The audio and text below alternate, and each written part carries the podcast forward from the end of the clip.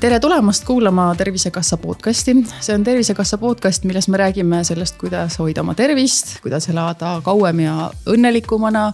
Ja vahepeal sekka ka muid teemasid, näiteks oleme rääkinud ka meditsiiniseadmetest ja gripist ja ka sellest, et mis teeb meiega pikk Covid.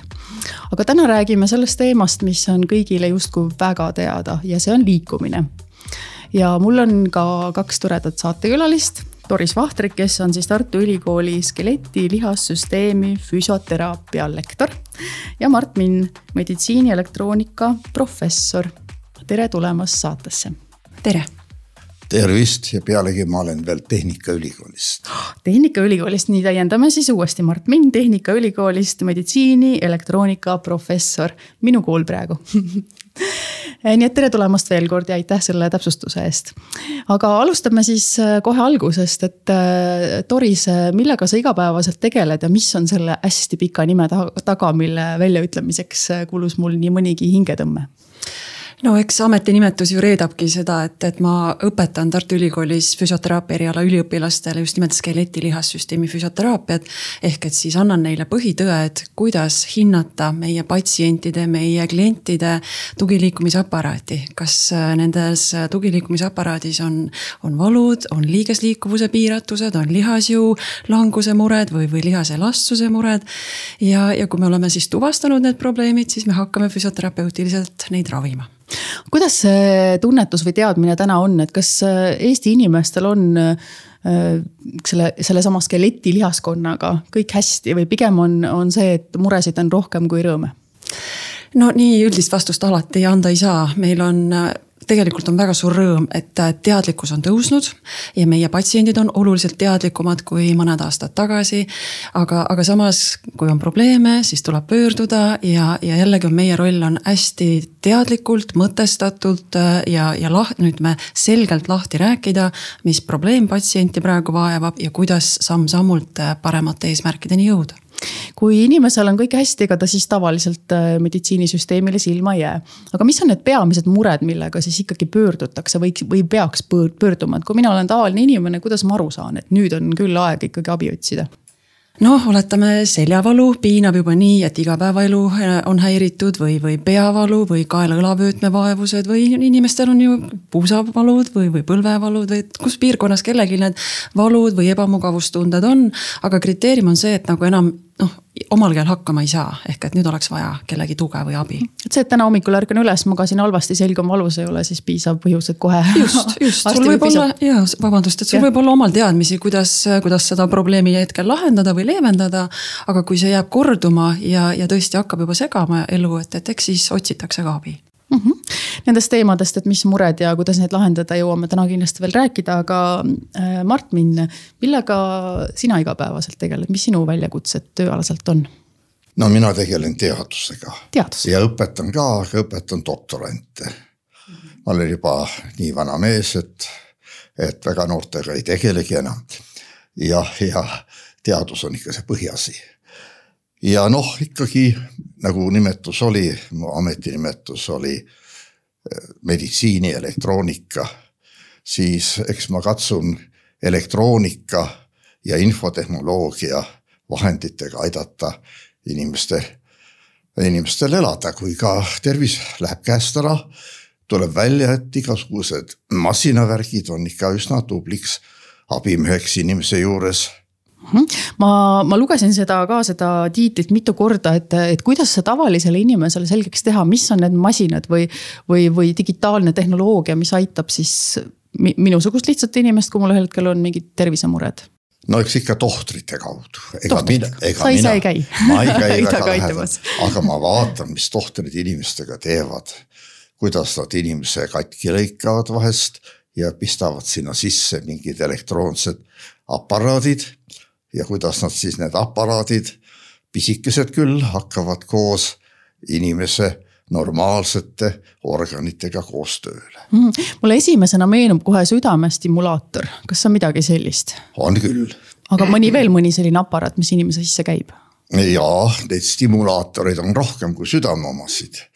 Ja neid on vaja veel, et panna näiteks äh, ilusasti tööle, näiteks põiestimulaator on, kui meil tekib raskusi. siis on veel üsna, üsnagi mitmeid närvistimulaatoreid, et, et meie närvisüsteem paremini töötaks aga kuidas, kuidas sa näed, et kas, kas tulevik ongi midagi sellist, et, et noh, mina enda teadmise alusel teadsin seda südamestimulaatorit nimetada, need järgmised on kõik minu jaoks justkui uued asjad. et, et kas neid stimulaatoreid ja igasuguseid vidinaid, mida inimese sisse panna, tuleb üha juurde või pigem nagu nüüd on kõik? ei, kus tas kõik olla, ikka juurde ja, ja, ja ikka paremaks.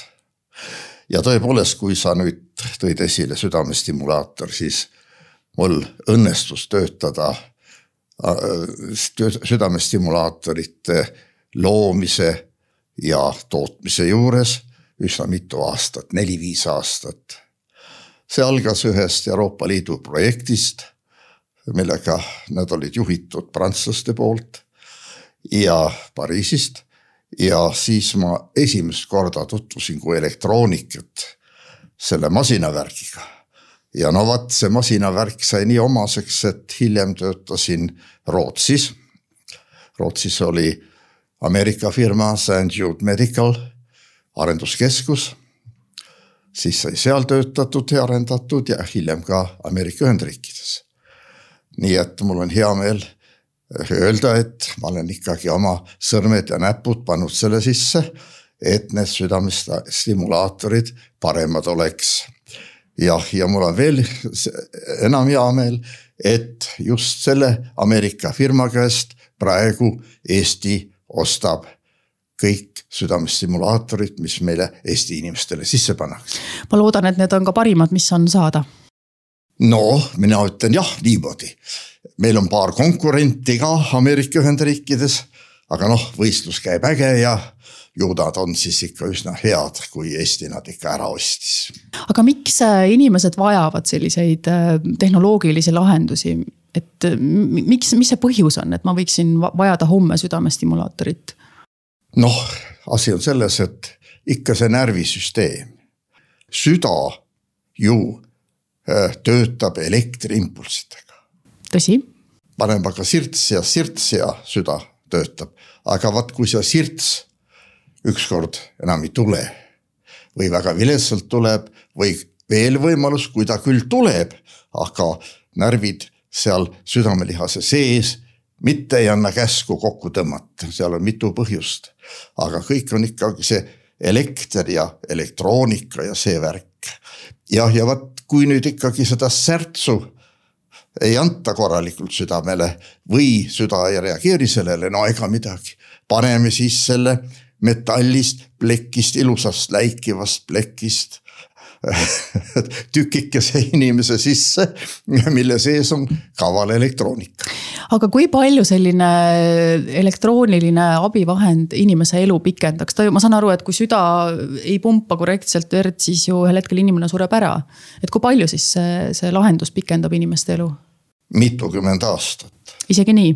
jah, vaadake, see oli üks suur suur saavutus meditsiini elektroonikale, kui tuhande üheksasaja viiekümne kaheksandal aastal Rootsis Karolinska instituutet on seal või mm -hmm. Karoli. ka meie koostööpartner ahah, Karolinska instituuteti juures ole, pandi sisse esimene südamestimulaator ja see oli väga huvitav lugu.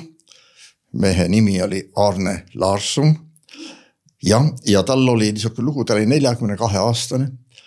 ja juba, juba oli ära minemas ja naine, tal oli üks igavene traginaine, kes läks siis selle Karolinska inimeste juurde, et no tehke mu mees terveks.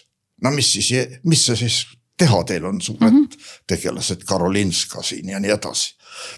ja noh, mehed võtsidki kahekesi, kaks meest võtsid asja ette, tegid selle südamestimulaatori kodus valmis panid salaja sisse, meditsiiniluba ei olnud.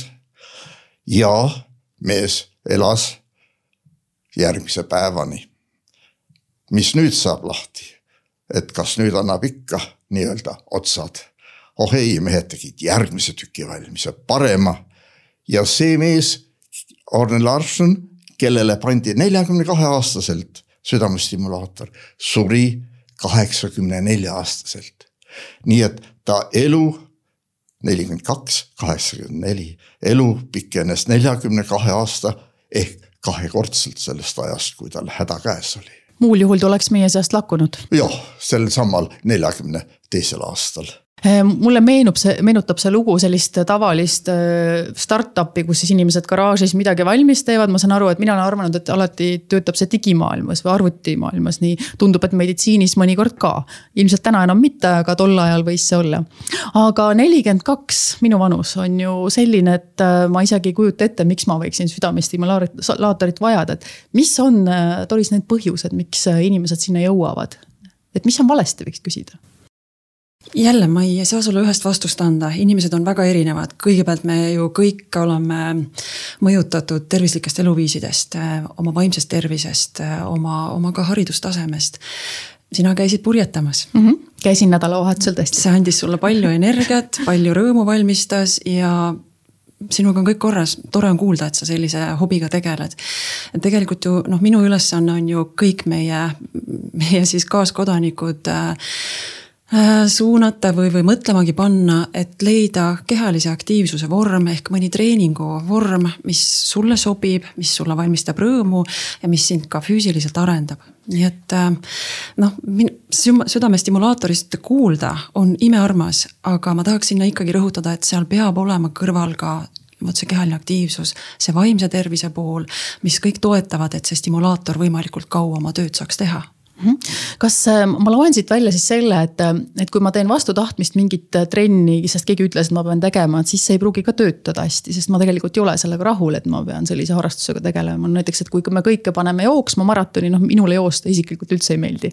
et ma saan aru, et siin see, see trenni meel, meeldivus või trenni aktiivsus peab ka olema nagu selline, mis toidab ka seda no, ikka, vaimu. ikka ju, see on ju kõikide asjade koha pealt, me ei saa ju sundida kedagi tegema, mis ei sobi või mis ei meeldi. ehk et see ju mõjutab ka seda sedasama meelsust, vaimset äh, poolt, eks ole mm. ju. ehk et ikkagi leida enda jaoks sobiv, see, mis äh, valmistab rõõmu ja mis, äh, mis paneb nagu, eks ole, päeva lõpuks tundma, et noh ma olen saanud hea, hea füüsilise laengu ja vaimse laengu. kuidas te ise liigute? küsimus on nii Doris sulle kui Mart sulle, et kuidas teie ise liigute? Eh, no minul on regulaarselt kas üks kaks kuni kolm korda nädalas käin jõusaalis ja kui vot aega on ja ilmastik lubab, siis ka käin jooksmas ja täiesti teadlikult ja, ja rõõmuga teen seda. ja miks, selleks, et äh, võimalikult äh, kõrgeealisena veel eks ole, oma keha viia punktist A punkti B ilma abi, abivahendeid vajamata või ilma oma lähedaste, eks ole, toetuseta, kes, kes peaksid mind siis tulema noh, appi. ehk et äh, seda teen teadlikult, püüan olla eeskujuks tudengitele ja ka meie tudengid on füüsiliselt aktiivsed inimesed mm. -hmm. et nad ei ole nagu sellised, et ütlevad küll kõigile, et me peame liikuma, aga ise ei tee noh, eks see ju kajastub ju natukene vormis ka, ehk et äh, sõnad ja teod peavad ju kattuma ja, ja, ja eks, eks see ülekaalulisus ju, see ju paistab välja ka. seda küll, aga kuidas sina, Mart, liigud? noh, ei saa võrrelda Dorisega. ei peagi, ei pea ei ja ei tohigi. üsna, üsna kehvasti liigun, enamasti neljaratta peal. kahju küll, mul on sellest kahju, aga mina ei tea, mis mul viga on. võib-olla on viga selles, et omal ajal ma käisin seal jõusaalis nii hirmsasti. ma olin kunagi tubli kulturist ja seitsmekümnendatel ka Eesti meistrikulturismis. aga ju ta siis ikka aastate kaupa mind vist nii ära tüütas, et ma seda rauakolinat väga ei, väga ei meeldi mulle enam see rauakolin. selle tõttu ma jõusaalist olen nüüd eemale jäänud, aga eks ma ikka liigun mm. -hmm. ma katsun ikka lõuna ajal ilusal Mustamäe mändide all natukene veerand tunnikest jalutada ja, ja selliseid tükke ma teen, aga sellest ei piisa, ma tean, et ei piisa. aga kui ma nüüd pärast Dorisega vestlen, võib-olla hakkan rohkem tahtma jalutada. et eeskuju on siis nakkav? no on küll, ma praegu kuulen ja, ja tahaks küll kui ma, kui ma tohin, et, et tegelikult äh, noh, me peame kõigepealt lähtuma iseenda heaolust ja iseenda tervisest. ehk et me ei pea kellegi teise jaoks treenima, vaid ikka iseenda jaoks eesmärgiga võimalikult kaua füüsiliselt olla terve. ja füüsiliselt terve olemine mõjutab ju ka sedasama vaimset poolt. vot seesama Mustamäe mändide all või, või, või Pirita mändide all on ju niivõrd ilus kõndida. valige oma tempo, valige oma kaaslased ja, ja nautige. aga tervisega on üks selline mure, millele ma ei ole ühte head lahendust leidnud, et kui ma täna ei kõnni piisavalt, kui ma täna ei toitu, ei joo vett, siis see tulemus tuleb ju nii mitmekümne aasta pärast isegi, et. et inimesed ei näe seda täna tehtud investeeringut, et kui ma söön täna ühe salati, siis ma ei võta alla, kui ma söön täna ühe pitsa, ma ei võta ka juurde. et, et mis siin see nagu mõtteviisi nipp oleks, et see iseendal on küll, et me oleme täiskasvanud inimesed emal enam noh, hindeid ei too ja ülikoolis ei käi ja, ja ei liigu ka, eks ju et, et kuidas seda tervisekasu enda jaoks visualiseerida? jah, otseselt mõõta ju ei saa mm, -hmm. eks ole, et, et kas mitu pitsatükki ma täna ära sõin ja, ja ma ei ole nüüd ka kaks kuud trennis käinud, et midagi ei juhtu. Äh, ma ikkagi tsiteerin äh, meie toitumisprofessor Mihkel Silmerit, kes ütleb, et, et ebatervislik toitumine hakkab mõju avaldama alles tõesti aastate, aastakümnete mm -hmm. pärast. seda teades võiksime me ju täna ikkagi teadlikumalt äh, toidulauale vaadata. ja sama ma ütlen ka kehalise aktiivsuse osas. ehk et kui ei ole suunatud võib-olla lapsepõlves, on need lapsevanemad, on need head liikumisõpetajad või, või treenerid. kui ei ole tekkinud seda spordipisikut või ka ei tule ka see täiskasvanu eas, et, et oh, ma tegelikult väga tahaksin minna kuskile jooksma või, või, või kõndima või jõusaali. siis paraku jah, sinna nagu seda motivatsiooni süstida on nagu sellelt pinnalt väga keeruline. aga, aga nagu, nagu noh, ka see kehaline aktiivsus aktiivsus, mida vähem seda on meil olnud kogu elukaare jooksul. no seda tõenäolisemalt on, on nendel inimesel, inimestel vajadus kõrvalabi järgi aga kuidas see kogemus äh, ütleb, et, et, et kui inimesel lõpuks on nagu tervisemure, kui varmas ta on oma elustiili muutma? mõned on, mõned ei ole isegi kui on juba väga selgelt ka arstide poolt on lahti räägitud, mis haigusega on lugu. Äh, isegi kui füsioterapeudid on nõustanud ja teinud seda väga lihtsas keeles, siis mõned võtavad väga hästi selle sõnumi omaks ja hakkavad püüdma ja on teisi, kes väga ei, ei muuda oma elustiili sellele vaatamata. ma olen mõelnud, et kas siinkohal võiks olla abiks äh, selline nagu toetaja, nõustaja, et kui noh, mõned inimesed, eks ju, kes, kes on valinud selle rauakolina ja jõusaalis käimise, siis soovitatakse ka alguses selleks, et sa. noh, endale viga seal ei tee ja need kangid on ju päris rasked ja seal on võimalik ikkagi ennast korralikult äh, traumapunkti veeretada, et, et, et kas selline nagu pidev tugi mingiks ajaks, seni kui see on nagu osa elust, oleks siin abiks ma olen ka mõelnud, et tegelikult äh, võib-olla sel hetkel, kui patsient oma, oletame, kroonilise diagnoosi saab, et äh, võib-olla tal ei pruugi olla veel seda vastuvõtuoskust või, või võimet või, või nagu jah, et üldist nagu arusaamist, et mis nüüd juhtus.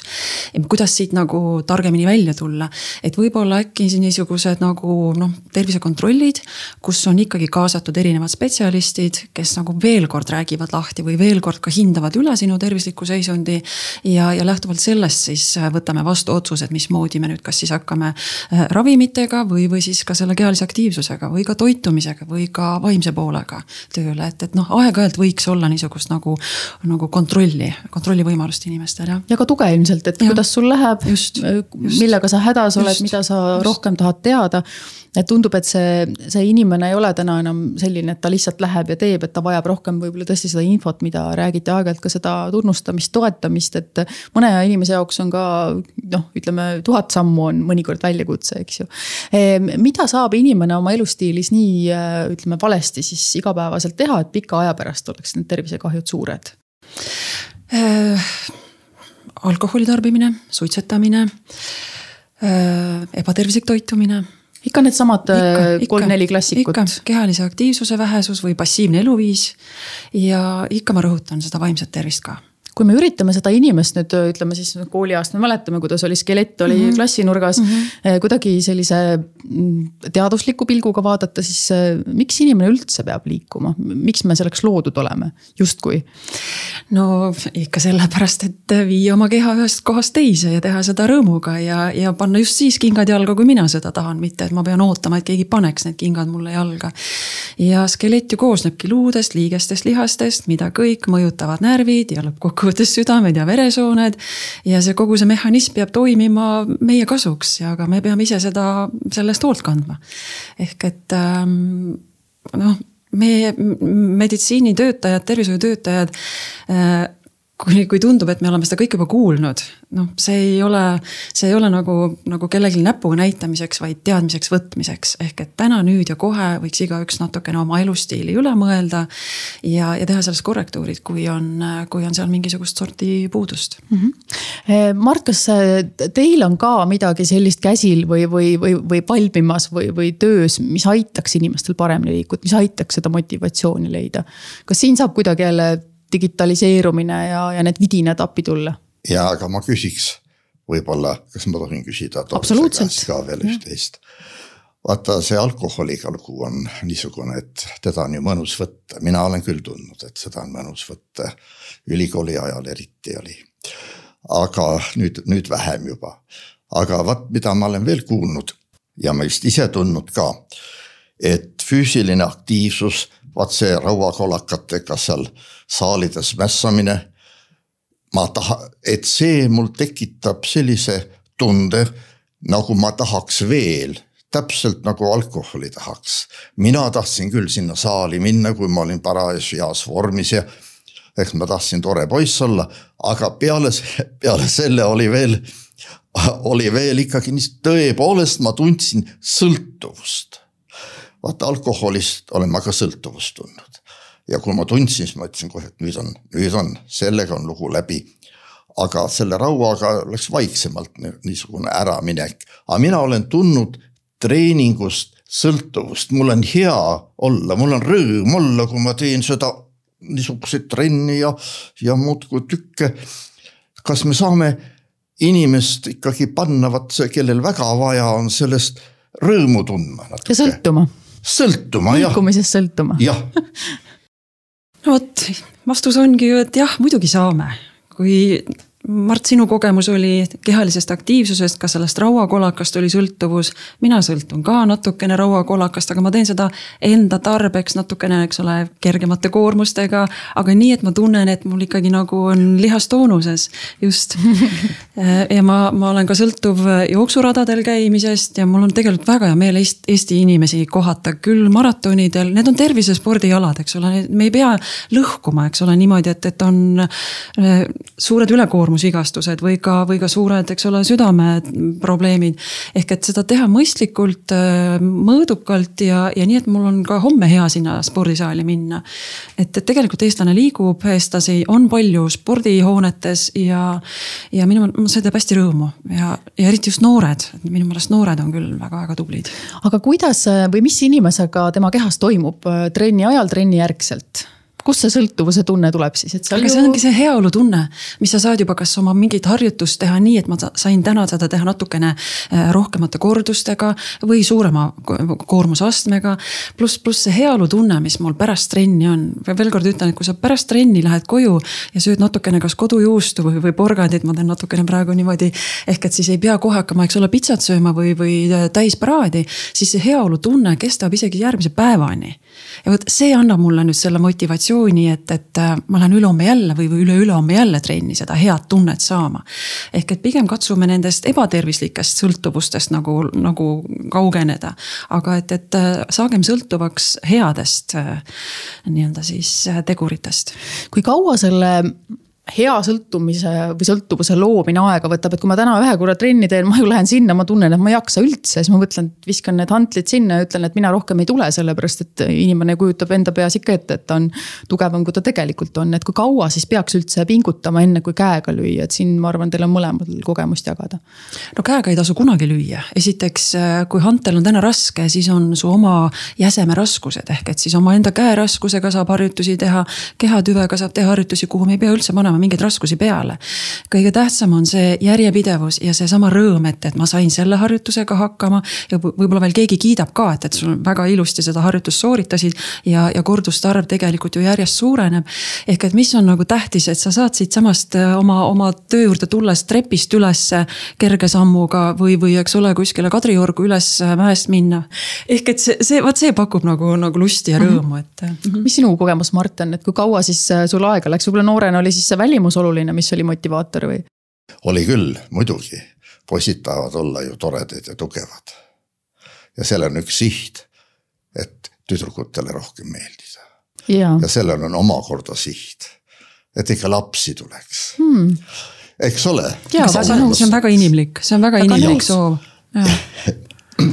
aga tegelikult ja. mina lisaksin, et, et me võiksime kogu elu head välja näha. ilusa sirge rühiga kõndida, mis siis, et vahepeal, eks ole, hakkavad lihased iseenesest ka nii-öelda siis lihasjõud langema, see on vanusega seoses või vananemisega seoses. aga ka vanemas eas on võimalik teha kehalisi harjutusi, mis võimaldavad meil olla ikkagi hea, hea sirge rühiga. jah, aga räägime, kas sa oled, Doris, niisuguse asjaga ka kokku puutunud, et on õnnehormoon mm. -hmm. Mm. ja, ja ma võin eksida nende ladina keeles tuletatud nimetustega, mis seal taga on. Need on seal dopamiinid ja, ja mis need. endorfiinid. täpselt nii, see on natuke just. rohkem sinnapoole, dopamiin on üldse, et asi ilusti liiguks ja, ja mõistus oleks hea. aga jah, eks, eks me tunneme ikka sellest rõõmu, katsume selle rõõmutüki ka selle mängude juures, olgugi et hädad käes ja mured ja ja aga katsume selle õnnetüki ka ikka üles leida sellest füüsilisest liikumisest, nii palju, kui seda teha saab. ega aga samas, kui meid juhivad hormoonid ka suuresti või määravad meie enesetunnet või, või aktiivsust, kas neid siis tänapäeval pakendisse ei ole veel pandud ja apteeki müüki? No ega me ei saa ju kõike nagu apteegi peal üles ehitada, vabandage mind, kui ma kellelegi praegu oma sõnadega liiga tegin, ehk et siis see hormoon võiks nagu kuidagi naturaalsel kujul väljenduda. mis Mart abikaasa nimi on? Riine ehk et õnnehormoon riine näiteks või mm. lapselapsed, eks ole, et. et see võiks käia kuidagi looduslikul ja loomulikul moel, et, et mitte apteegist osta omale õnnehormooni ja. ja, ja apteegist osta abivahendeid, et äh, väga lihtne, väga lihtne on tegelikult iseennast hoida füüsiliselt aktiivne ja rõõmus ja õnnelik ka. ehk siis tabletid, igasugused abivahendid võiksid jääda apteeki ja, ja muudele riiulitele võimalikult kauaks no ikka jah, eks ole. nii arvan mina, aga ma ei saa, ma ei saa ju inimestele ette dikteerida, et te kõik peate minu järgi käituma, ehk et on inimesi, kes, kes usaldavad apteeki ja, ja see on nende õigus. aga, aga nüüd füsioterapeudi ülesanne on ikkagi propageerida seda tervislikku eluviisi, nii et. Mhm. mida füsioterapeut inimesega üldse teeb, kui ta vastuvõtule tuleb, et kas ta teeb harjutusi koos või, või annab mingisugust laiemat teavet või, või, või milline see vastuvõtt nii-öelda välja näeb ja kas terveid inimesi ka sinna võetakse? no ei, terve inimene ikka nii naljalt ei, ei tule füsioterapeudi juurde, eks ta, eks ikka mingi kaebusega tullakse. aga, aga no algab ikka sellest, et nii nagu arstid alguses me hindame patsienti või võtame, võtame anamneesi ja uurime, mis mis selle kaebuse nii-öelda taust on. ja, ja siis me harime üks asi, ehk et äh, me räägime lahti, kust see kaebus tulla võis äh, või, või leiame väga selged põhjused, miks sellel kaebusel on just niisugused äh, praegu siis nagu, nagu häired. ja, ja noh, arvatakse, et harjutus on see peamine, jah, aga teinekord enne harjutuste tegemist me teeme natukene manuaalteraapiat, ehk et siis teeme, teeme lihastele hooldust, et nad oleksid võimalikult elastsed, saaksid lihased võimalikult oma, oma pikkuse tagasi. ja siis, kui me oleme nagu lihased ette valmistanud headeks harjutusteks, siis me muidugi suuname suuname harjutusi tegema. ja, ja see harjutus võib olla ainult üks või kaks väga olulist, mida nüüd oleks vaja teatud perioodil teha. See nõuab ju päris palju distsipliini, et, et ma ikkagi enne korra küsisin, et kaua selline heade harjumuste sissevõtmine läheb, eks ju, et mõni ütleb, et aasta-kaks.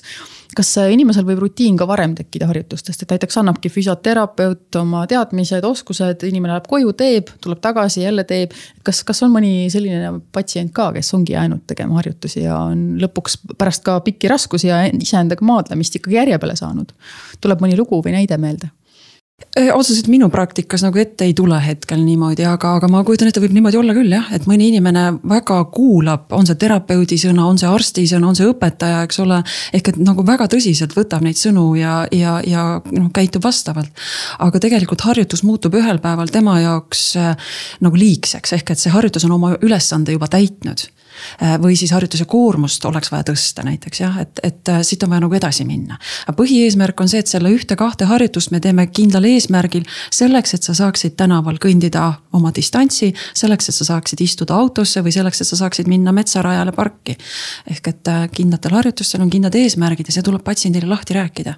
me korra mainisime seda, et vanemad on lastele eeskujuks, et kui vanemad liiguvad, siis tõenäoliselt lapsed ka liiguvad rohkem, et kas ka teised lähedased ümberringi mees mees, naine, Vanemad, vana, vanaisad. kõik sellised, kes perekonnas liiguvad, võiksid ka eeskuju anda. absoluutselt, ehk et äh, nii armas on ju, kui vanaema, vanaisa on, on kasvõi, eks ole, kõnnirajal või, või, või siis äh, leiavad endale toreda mingisuguse ujumis, äh, eks ole, hobi või, või mida, mida veel.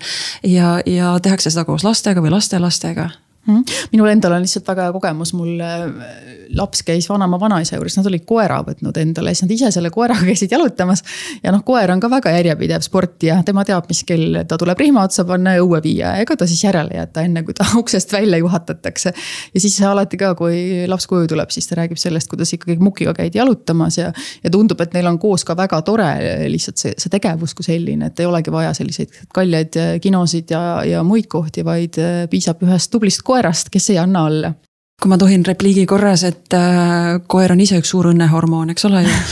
teiseks ja ka olen natukene nalja viskanud oma, oma instituudi kolleegidele, kes kurdavad, et äh, Eesti laste kehaline aktiivsus on madal.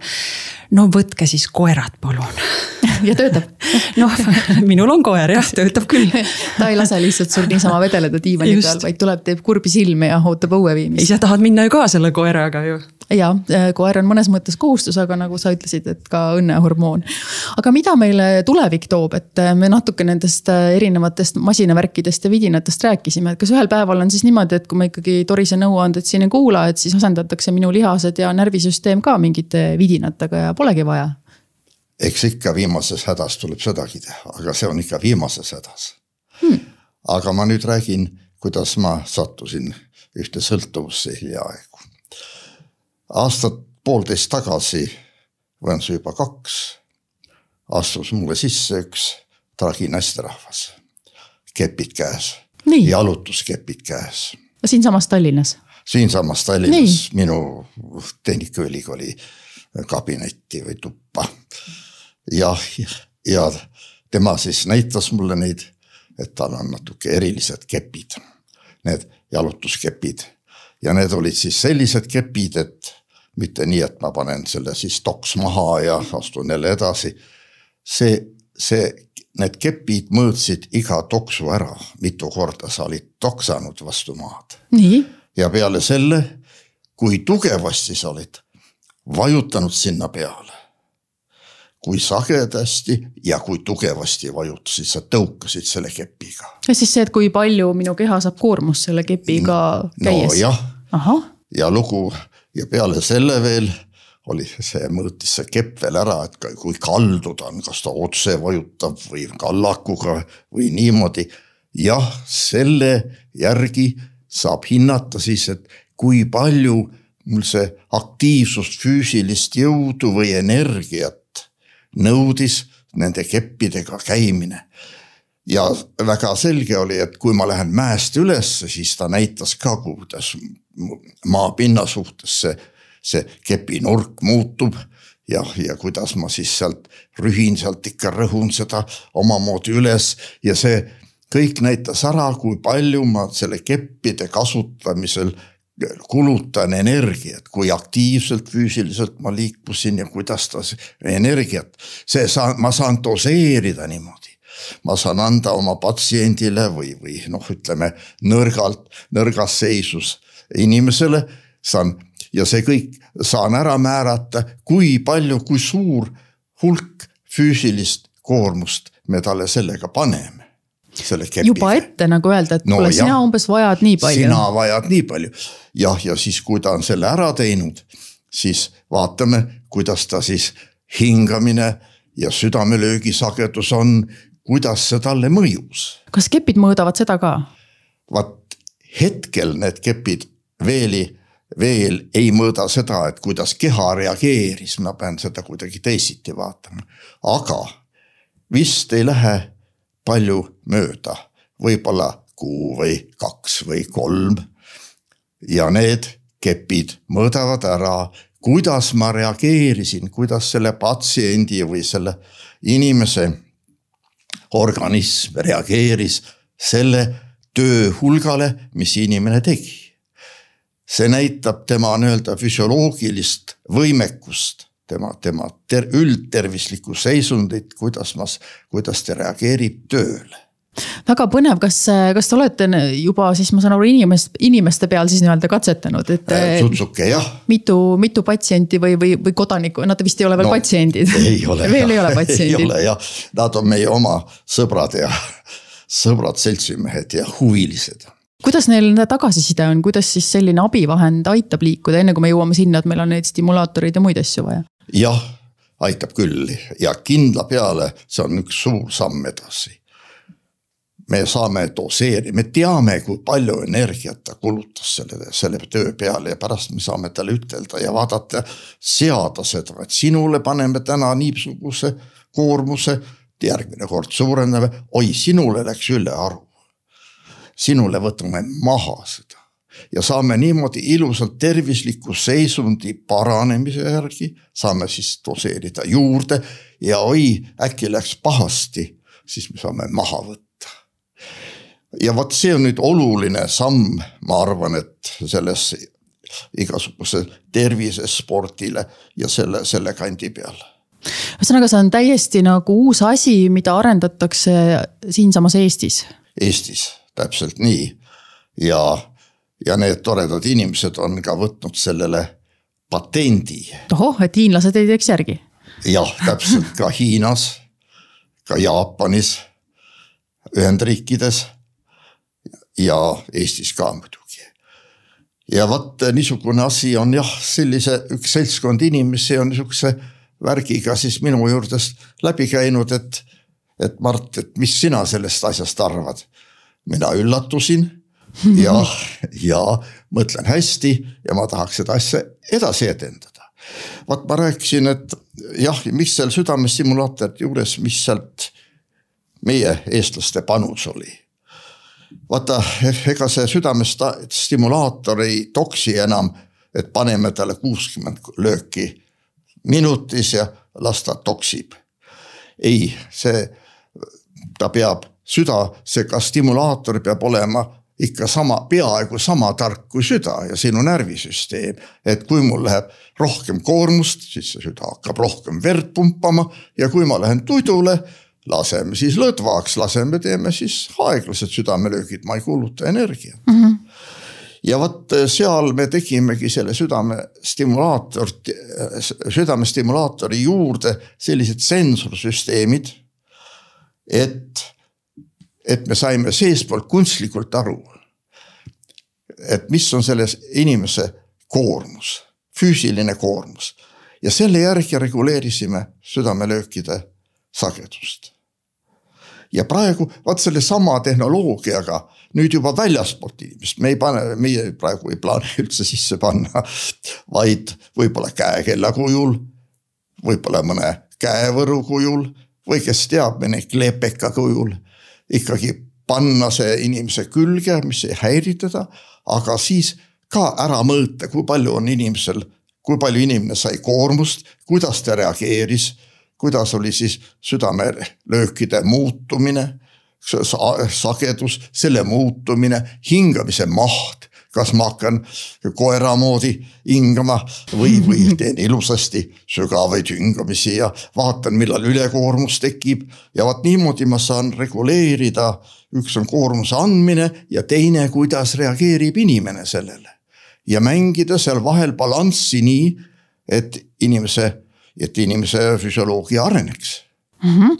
ja no. inimene jätkuvalt elaks äh, pikalt ja, ja kaua no, ja tervena no,. jah, nojah mm. -hmm. kas see, kas see nii täpne timmimine on üldse tänapäeval vajalik või see ongi nagu tulevik, et, et me väga täpselt teame, mis meie kehas toimub. kui palju me kulutame, palju me sööme, palju me trenni teeme ja siis seal kuskil käib, taga käib siis taustal arvutamine. jah, ta taustal inimene ei seg-, e-, ega inimest me ei sega selle arvutamisega, et vaata muudkui siit pealt seda mm, -hmm. seda nutikella ja, ja muudkui siis vänta ja tee. ei, inimene, inimene teeb oma normaalseid asju mm.. ja kogu see informatsioon läheb siis serverisse ja sealt, kas siis tark inimene, tohter või siis natuke kasutame siis seda kunstmõistust ka, seda artificial intelligence'i, mis mood. kasutame ka seda, mis ütleb üht-teist ära. ja järgmises treeningutsüklis või järgmises korras, kui inimene välja läheb oma keppidega, siis me ütleme talle, et kuule, tead, et tõmba natuke juurde ja see kepp võib öelda talle ta võib ka suur, ta võib ka lihtsalt inimkeeles öelda, et kuule, pane juurde natuke. et sa jaksad küll? jaksad küll, ei tõmba nüüd maha, kuule, sa ähid.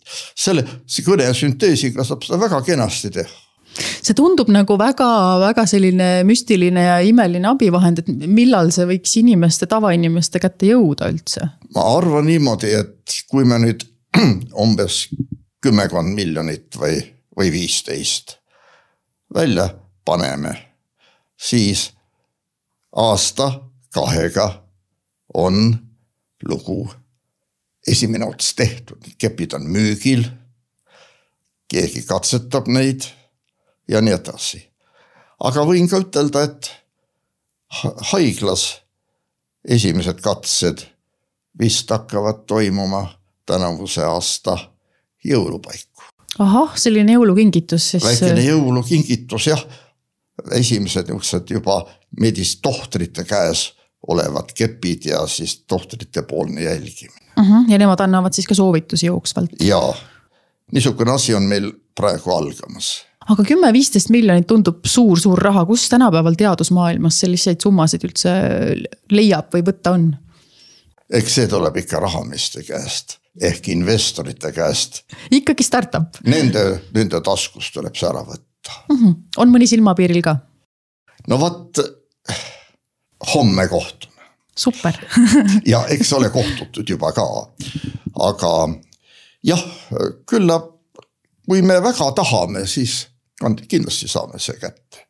aga umbes selline suurusjärk, ma arvan, sellel on ja mis tühi raha see siis ikka on, see kümme-viisteist, jah, teaduses on küll mm -hmm. raha, aga normaalses majanduselus ei ole see maailmas suur raha. arvatavasti me peame lahkuma Eestist, nii nagu südamestimulaatorite puhul Rootsi, USA.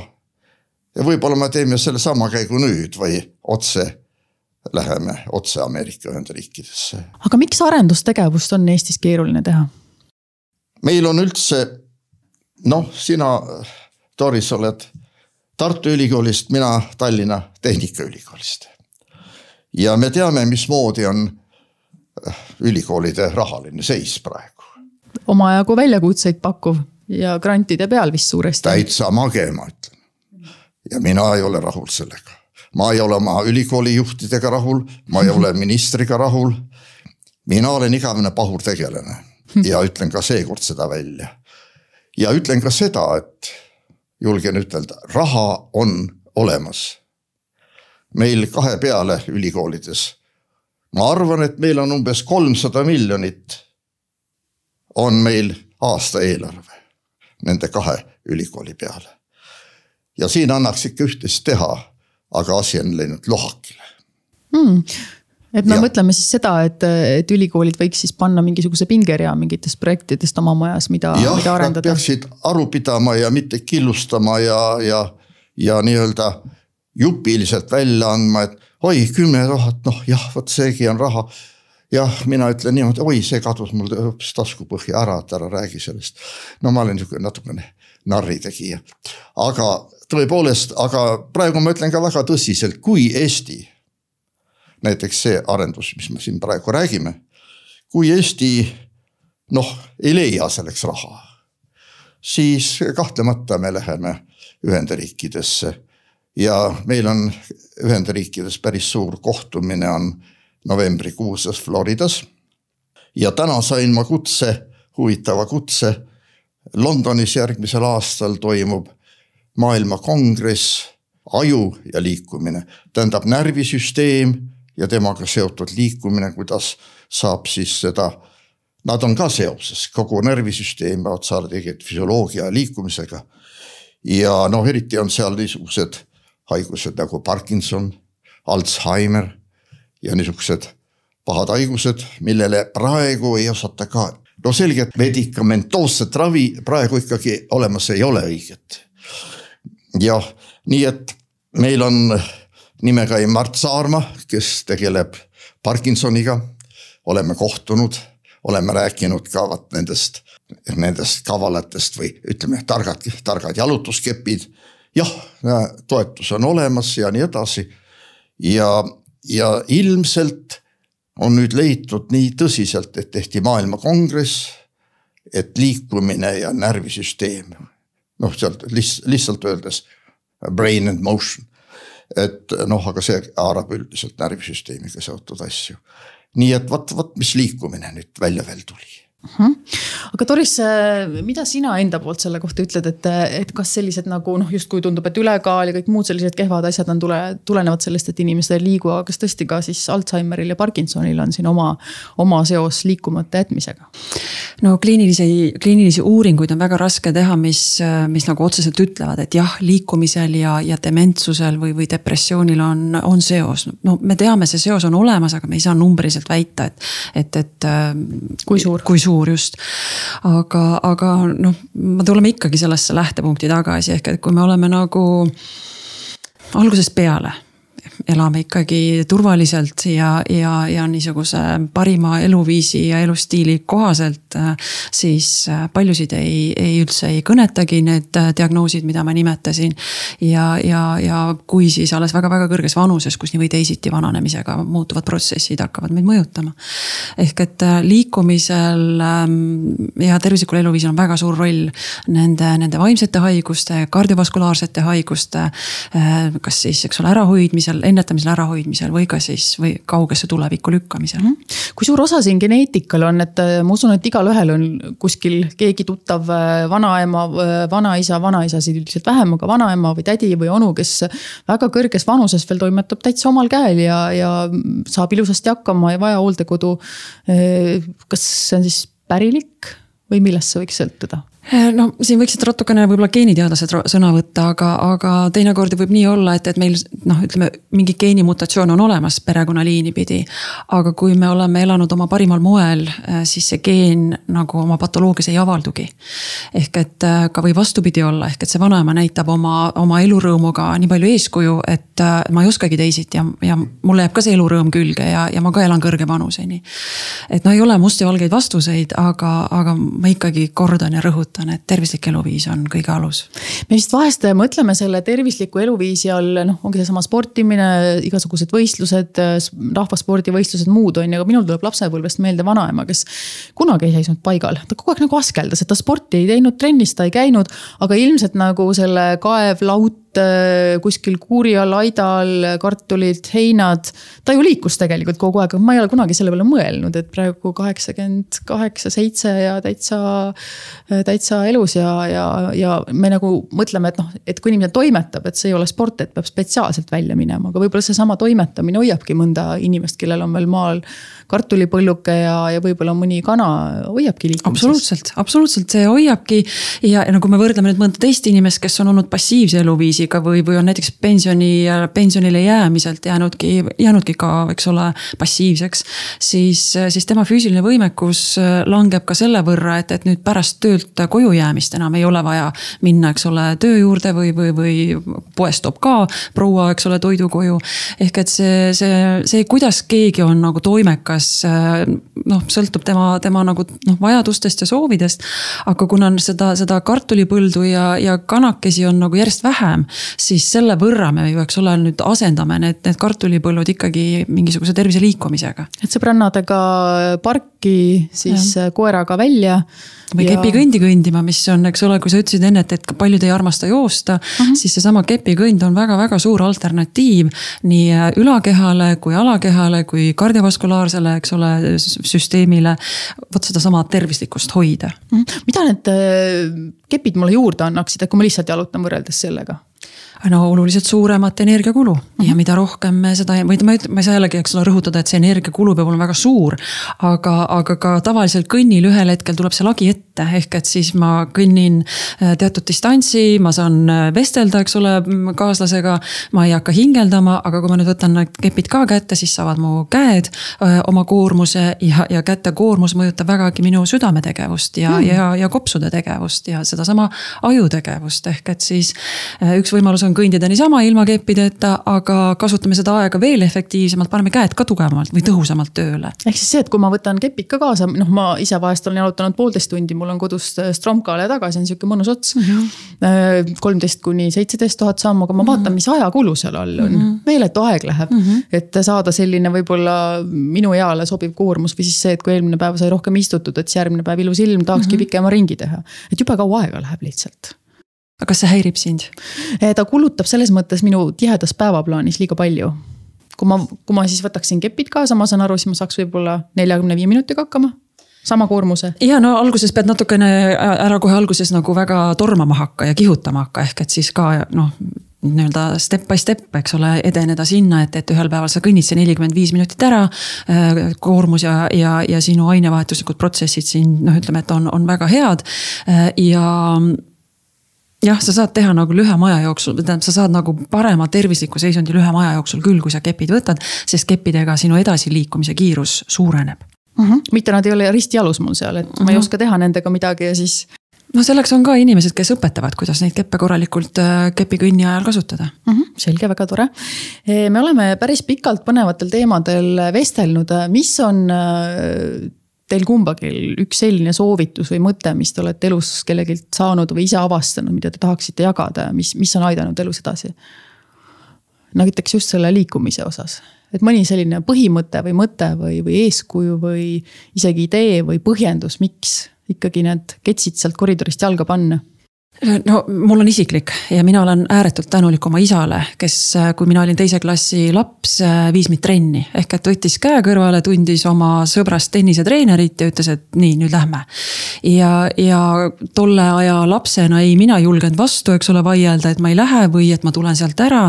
ehk et regulaarselt, süstemaatiliselt käisin mina trennides kuni, kuni keskkooli lõpuni ja sealt see pisik on ja seda pisikut olen ma andnud edasi ka oma lastele. ehk see on mu isiklik ja oma, oma perekondlik nagu, nagu ütleme siis äh, käitumine, mida ma pean väga oluliseks. eeskuju mm. -hmm. kuidas sul, Mart, on sul mõni hea selline põhimõte või idee?